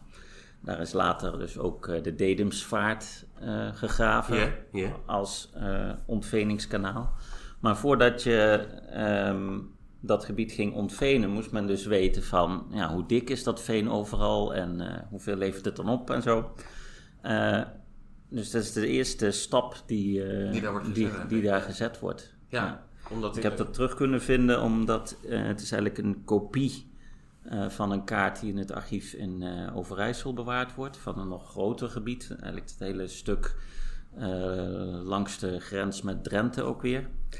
Ehm, en daar is dit stuk, de, de marken van Lutte, is daar dan van gekopieerd. Dus een handgetekende kaart, een manuscriptkaart Ja. noemen we dat dan.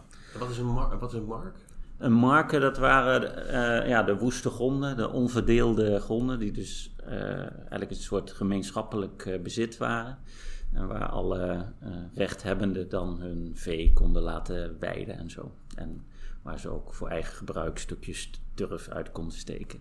Oh ja, ja, En ja, ja, ja, ja. eh, in de 19e eeuw krijg je dan de markenverdelingen. Dus dan houdt dat gemeenschappelijke bezit eh, op.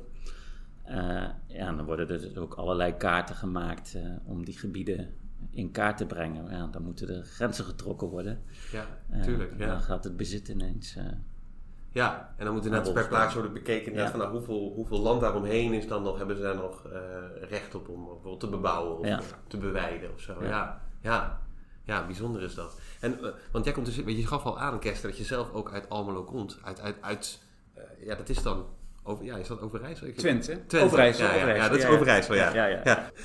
Ja. En, en dan heb je dus inderdaad, nee, het belang van, van, van veen mag, mag duidelijk zijn. eh, Maar ja, jij schrijft ook over inderdaad die, die marken en, die, en, die, en eh, wat we net al even aanhouden, inderdaad dus die, die woeste landen. Ik vond het ook wel mooi dat je erbij schrijft inderdaad dat het wastelands zijn. Hè? Dus dat het niet zomaar een wildernis is, maar echt een, eh, zoals de Engelsen het woord waste. Waste gebruiken, eh, ja. ja. De, Woeste. eh, woeste, woeste gronden, of wat ook een hele mooie verklaring is, eh, een landschap waar nog geen eg of ploeg overheen is gegaan. Ja, ja. Zo moet je het eigenlijk zien.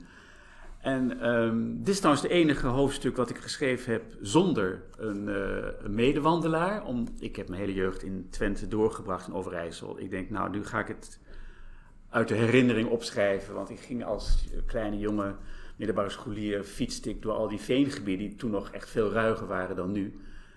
Ehm, en ja, daar, daar, daar zag je nog echt de turf. Het was jaren 60, begin jaren 60. Daar zag je nog echt eh, de restanten van de turfsteken. Stonden nog oude eh, spoor, spoor, eh, spoorrailsjes liepen daar rond waar ze die karretjes overheen trokken. Eh, er stonden nog oude hutten met kacheltjes erin, potkacheltjes die ik eens aangestoken heb midden in de winter. ja.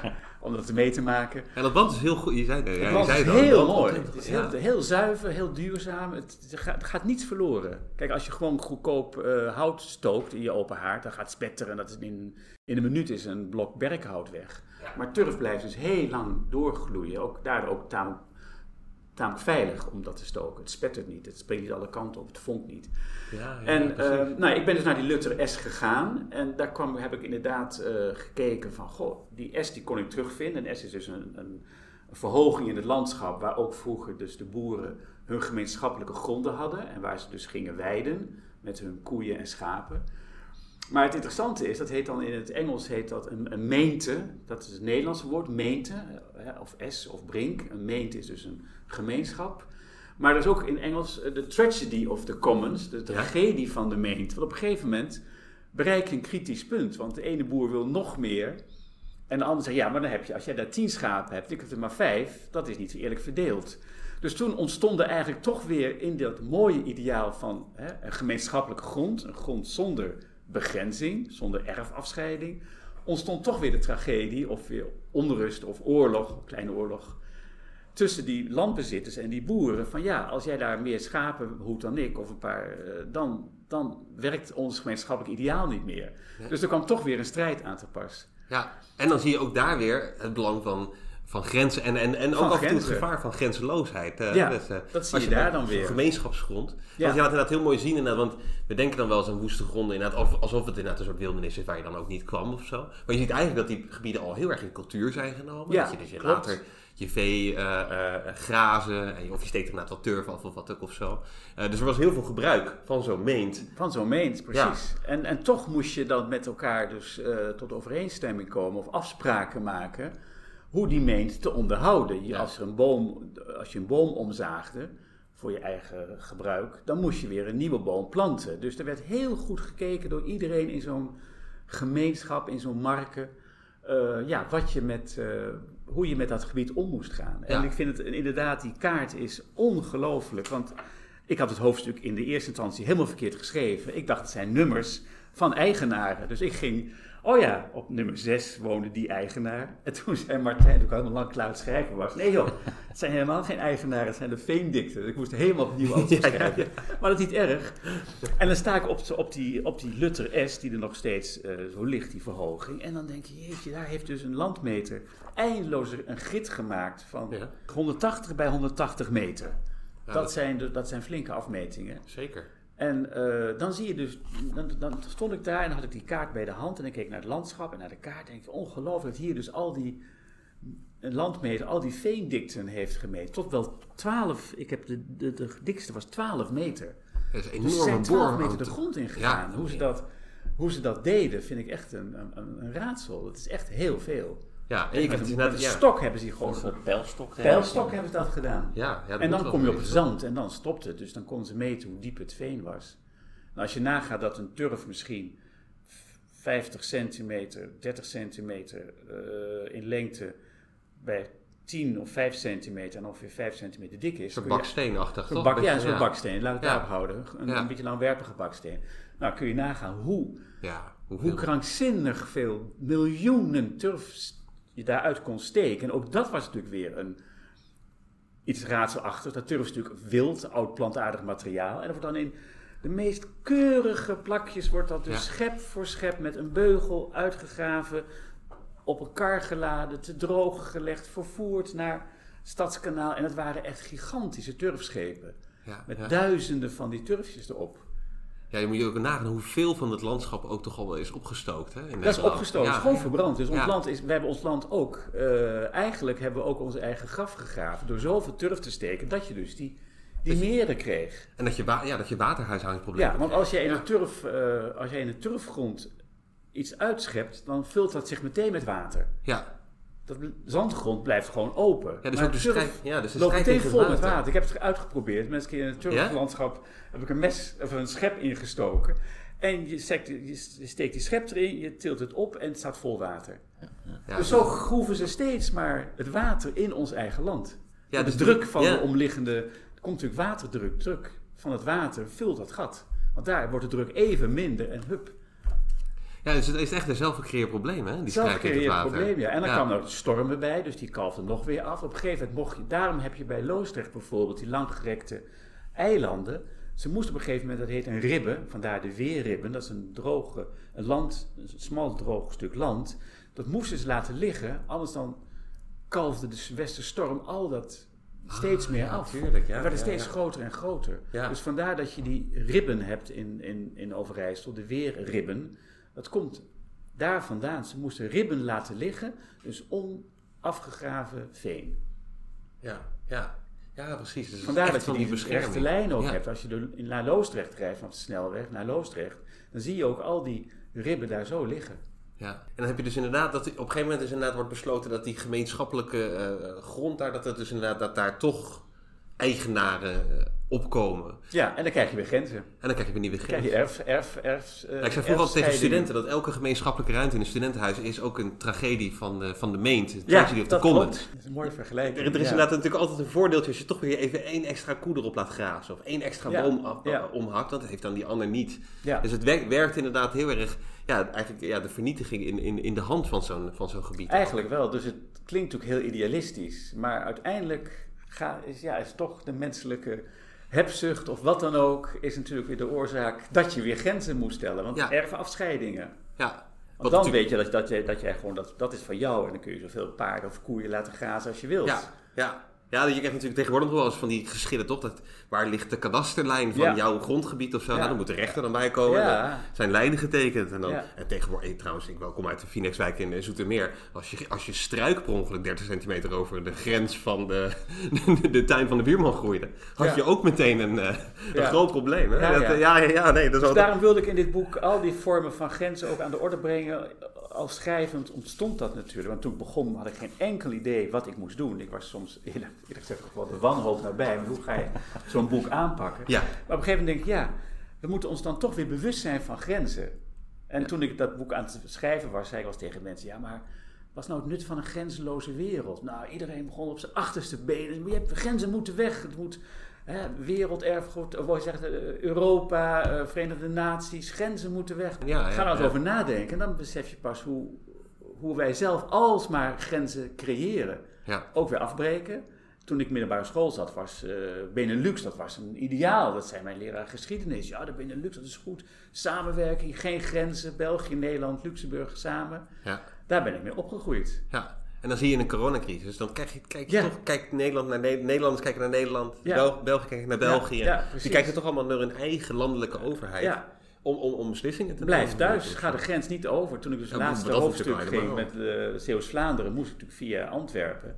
En overal borden, blijf thuis, samen tegen corona. Ja. Oh ja, je hebt grenzen nu weer opeens. België is rood, Ja, Nederland is rood. Ja, ja. Je voordeur zelf natuurlijk. Hè? Je had nog een illegale nachtwandeling kunnen maken tijdens de avondklok. Hè? Ja, precies. Ja. Ja, dus Over dat, de dat was, het- kan het, ik heb het één keer gebruikt voor corona. Want ik ja, niet te veel. Maar Nee, ik nee, heb nee, aangeduid van... Kijk, opeens werden we ons bewust van grenzen. Zeker, ja. En moest je in één keer op je plek blijven. Ja, dat is toch, Ja, toch heel anders. ja. Maar er zijn natuurlijk ook inderdaad zeker gebieden waarin er op een gegeven moment af en toe ook eh, grenzen worden, worden doorgestoken. Of, eh, en dat brengt me eigenlijk tot de laatste eh, kaart ook. Een enorme kaart van de Zuiderwaterlinie. Allemaal kaarten eigenlijk aan elkaar ver- verbonden. Van ene Eugène Henry Fix. Wat laten die, wat tonen die kaarten? Ja, nou eigenlijk is het, eh, zijn het de vier bovenste kaartbladen van een hele grote wandkaart van de zuidelijke Nederlanden, zeg maar van België. Ehm, maar ja, die afzonderlijke bladen konden ook dan weer voor van alles gebruikt worden. En die vier noordelijke bladen geven dan eigenlijk de waterlinie aan. eh, aan de zuidkant van, eh, van eh, de Republiek in de 18e eeuw. Dus een, een- echt een verdedigingslinie van eh, gebieden die je onder water kon zetten.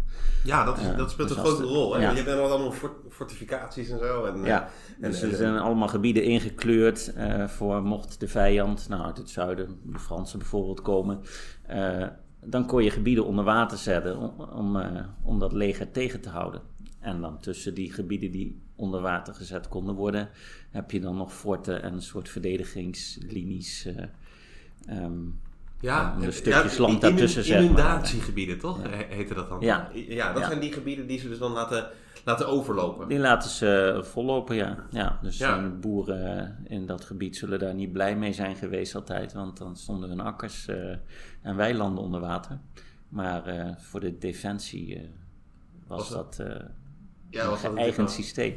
Ja. Dus eigenlijk veel bekender zijn de oude Hollandse waterlinie en de nieuwe Hollandse Zeker. waterlinie, stelling van Amsterdam. Maar je had dus ook in Brabant eh, de Zuiderwaterlinie, eh, die echt helemaal vanaf Tolen, Bergen op Zoom tot aan eh, de Maas, helemaal in het oosten bij Graven en zo liep. Oh ja, ja. Ja, een En die bestaat dus ook al zo'n... Zo, aaneenschakeling van gebieden van- die onder water gezet konden worden. En dat is natuurlijk echt om de opbruk van zo'n landleger ook tegen te Ja. gaan. En, en werkt dat ook? Want je denkt op een bepaalde manier van... Nee, je zet het onder water en god, dan waad je er doorheen. of dan pak je een schip of wat ook of zo. Nou, dat is misschien wat minder, minder makkelijk, maar... Ja, in de praktijk heeft het niet altijd eh, heel goed gewerkt. Eh, Nee? Nee, is dat zo? nee. Nou, ik kan me voorstellen met zo'n opmars van zo'n landleger dat het nog wel werkt. Maar Ja, zeker wel. Ja. Ook in de, in de 80-jarige oorlog weten we dat eh, wel, dat eh, Spanjaarden Ja, daarmee Spanjaarden. tegengehouden Zijn we bang voor water? Maar eh, ja, het, soms was het eh, winter en eh, dan kon je gewoon over het eh, ijs lopen. ja, ja. Dus, eh, Al weet ik nog wel, eh, ja, er is altijd toch zo'n, volgens mij is dat, het, ik weet niet eens of het apocryf is of zo, maar dat is dan dat Hertog Alva ontzettend steen en been klaagt over die schaatsende eh, Nederlanders, die als een soort guerrilla-strijders daar op die schaatsen, die, die Spanjaarden, die natuurlijk helemaal geen ijs kennen. Nee, nee. nee, nee. nee.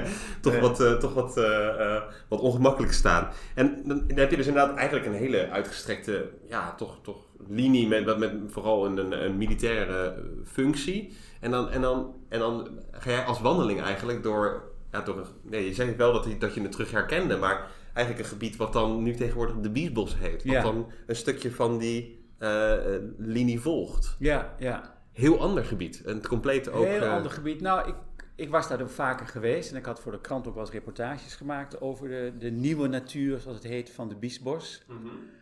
En op een gegeven moment eh, ging ik naar de Biesbos, naar de Noordwaard.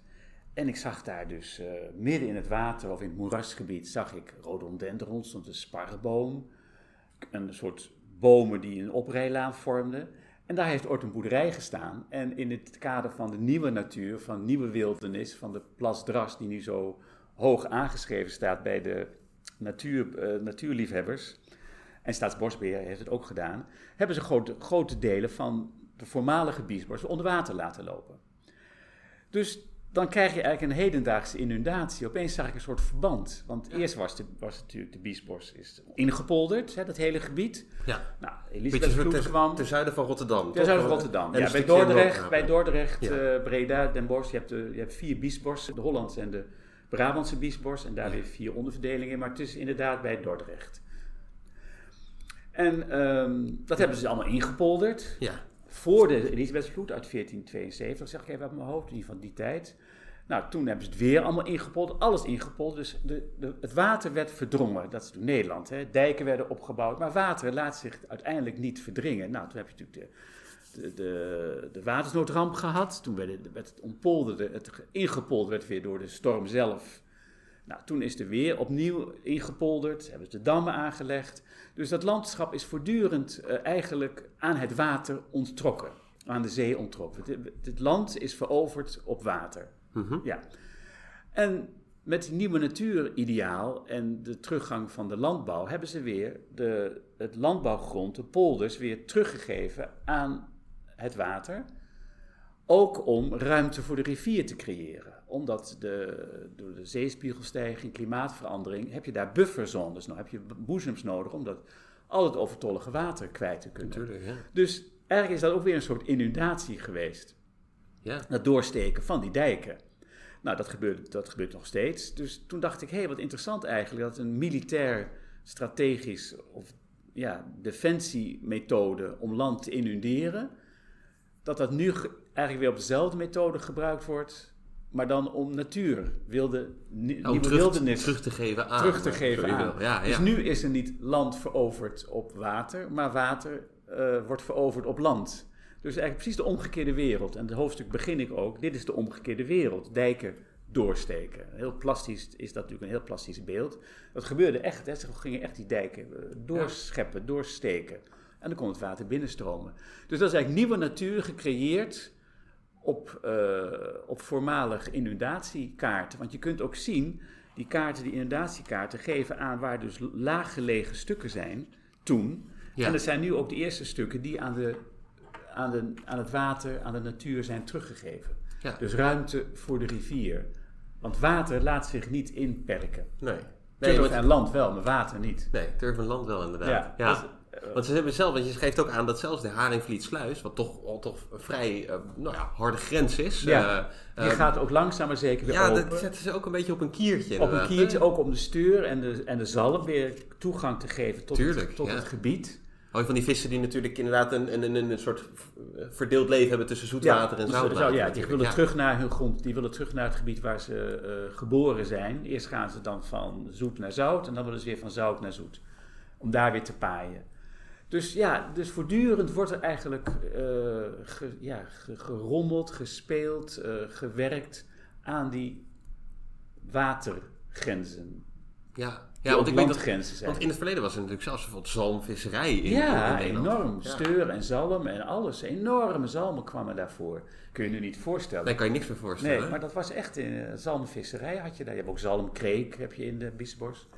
Dus als je daar rondkijkt met die blik, dan kijk je toch heel anders naar dat, dat gebied eh, dan wanneer je dat niet zou weten. En dat vind ik zo mooi eraan, dat je dus met die blik van die historische kaart, dat venster, dat gebied anders gaat begrijpen. En die boswachters wisten daar natuurlijk van alles van. Die, die, dat is hun werkgebied. Ja, Dus zij kon ook heel mooi vertellen hoe dat eh, dan nu is en hoe het was voordat ze het gingen eh, weer nieuwe natuur, nieuwe beeldens creëren en ruimte voor de rivier. Maar de stap daarvoor, die kennen zij weer niet. Namelijk die 18e eeuw, ja. waar en, die en- kaart van is. ja, precies. En dat je dus inderdaad eigenlijk ergens de opruk van de mens probeert te, te, te- tegen te houden. Dus ditmaal niet misschien de opruk van de Franse soldaten of Spaanse Nee. of wat ook. Maar probeert eigenlijk de opruk, opruk van de menselijke invloed op het landschap. Dat eigenlijk te niet doen Ja. en, en dat eigenlijk ja, de mensen een beetje buiten de deur ook houden. Je mag natuurlijk wel de biesbos in, daar niet van. Ik bedoel, jij bent erin geweest. Ik ben maar, erin geweest, je maar- de ja. Biesbos ook in. Ja, ja, En het leuke was, ze hebben aan de noordkant bij de Merwede, of de nieuwe Merwede, hebben ze dus, eh, daar is een dijk weggehaald. En het dreigde even in maart vorig dit jaar. Ik had het boek eigenlijk bijna af, kon het nog in verwerken. Dreigde dus een enorme vloedgolf uit eh, die overstroming in de Rijn naar Nederland te komen. in de Maas. Ja, ja, De Maas, ja, ja, ja. in het de Maas, ja. En ze had berekend, als die op dat moment in Nederland komt, dan gaat een deel van de Biesbos stroomt over. En dat is toen een beetje gebeurd. Dus ze waren heel gespannen of het zou werken. Of dus daardoor dat water die ruimte kreeg om uit te vloeien, waardoor dus Dordrecht niet volstroomde. Dat was dus de angst. Dordrecht zou dan deels onder water komen te staan ja, ja, als het ja. niet eh, Tuurlijk, ja. weg kon vloeien in de ruimte van het vroegere eh, landschapgebied. Nou, dat is dus eh, was een testcase. Ja, Dus wel spannend. Al, al, die, al die tijden, de historische kaart, eh, de, de, de, de historische kaart in ons boek, eh, de huidige Biesbos, het, het, het greep allemaal in elkaar en bleek in elkaars verlengde te liggen. Vandaar ook de nieuwe natuur die daar nu gecreëerd is. Ruimte voor de rivier of nieuwe natuur. Ja, Ja, en waar dus inderdaad eigenlijk weer waterbouwkundigen, alleen dan in de vorm van bevers. eh, Ja, die- bevers die- die gaan daar weer hun eigen bomen omknagen en weer nieuwe grenzen veroorzaken. Nu zijn er weer te veel bevers. Ja, ja, ja. ja. Want die Ja. knallen wat wij zo mooi op de tekentafel hebben Ja, uitgedaan. die, ja, die tekenen hun eigen grenzen. Die weer. tekenen eigen We hebben nog geen congres van Wenen alleen, hè, waar, waar ze samenkomen. Ja, geweldig. hè? Ja, ja. Ja. Nee, ik vond het, eh, ik vond het een, een ontzettend leuk boek om te lezen. Ik zou het zeker aanraden om aan te schaffen. Grensverkenningen langs oude grenzen in Nederland. En ik wil jullie natuurlijk alle twee hartelijk bedanken voor een heel fijn gesprek. Dankjewel Kester, dankjewel Martijn. Nou, graag gedaan. Graag gedaan. Jullie ook bedankt.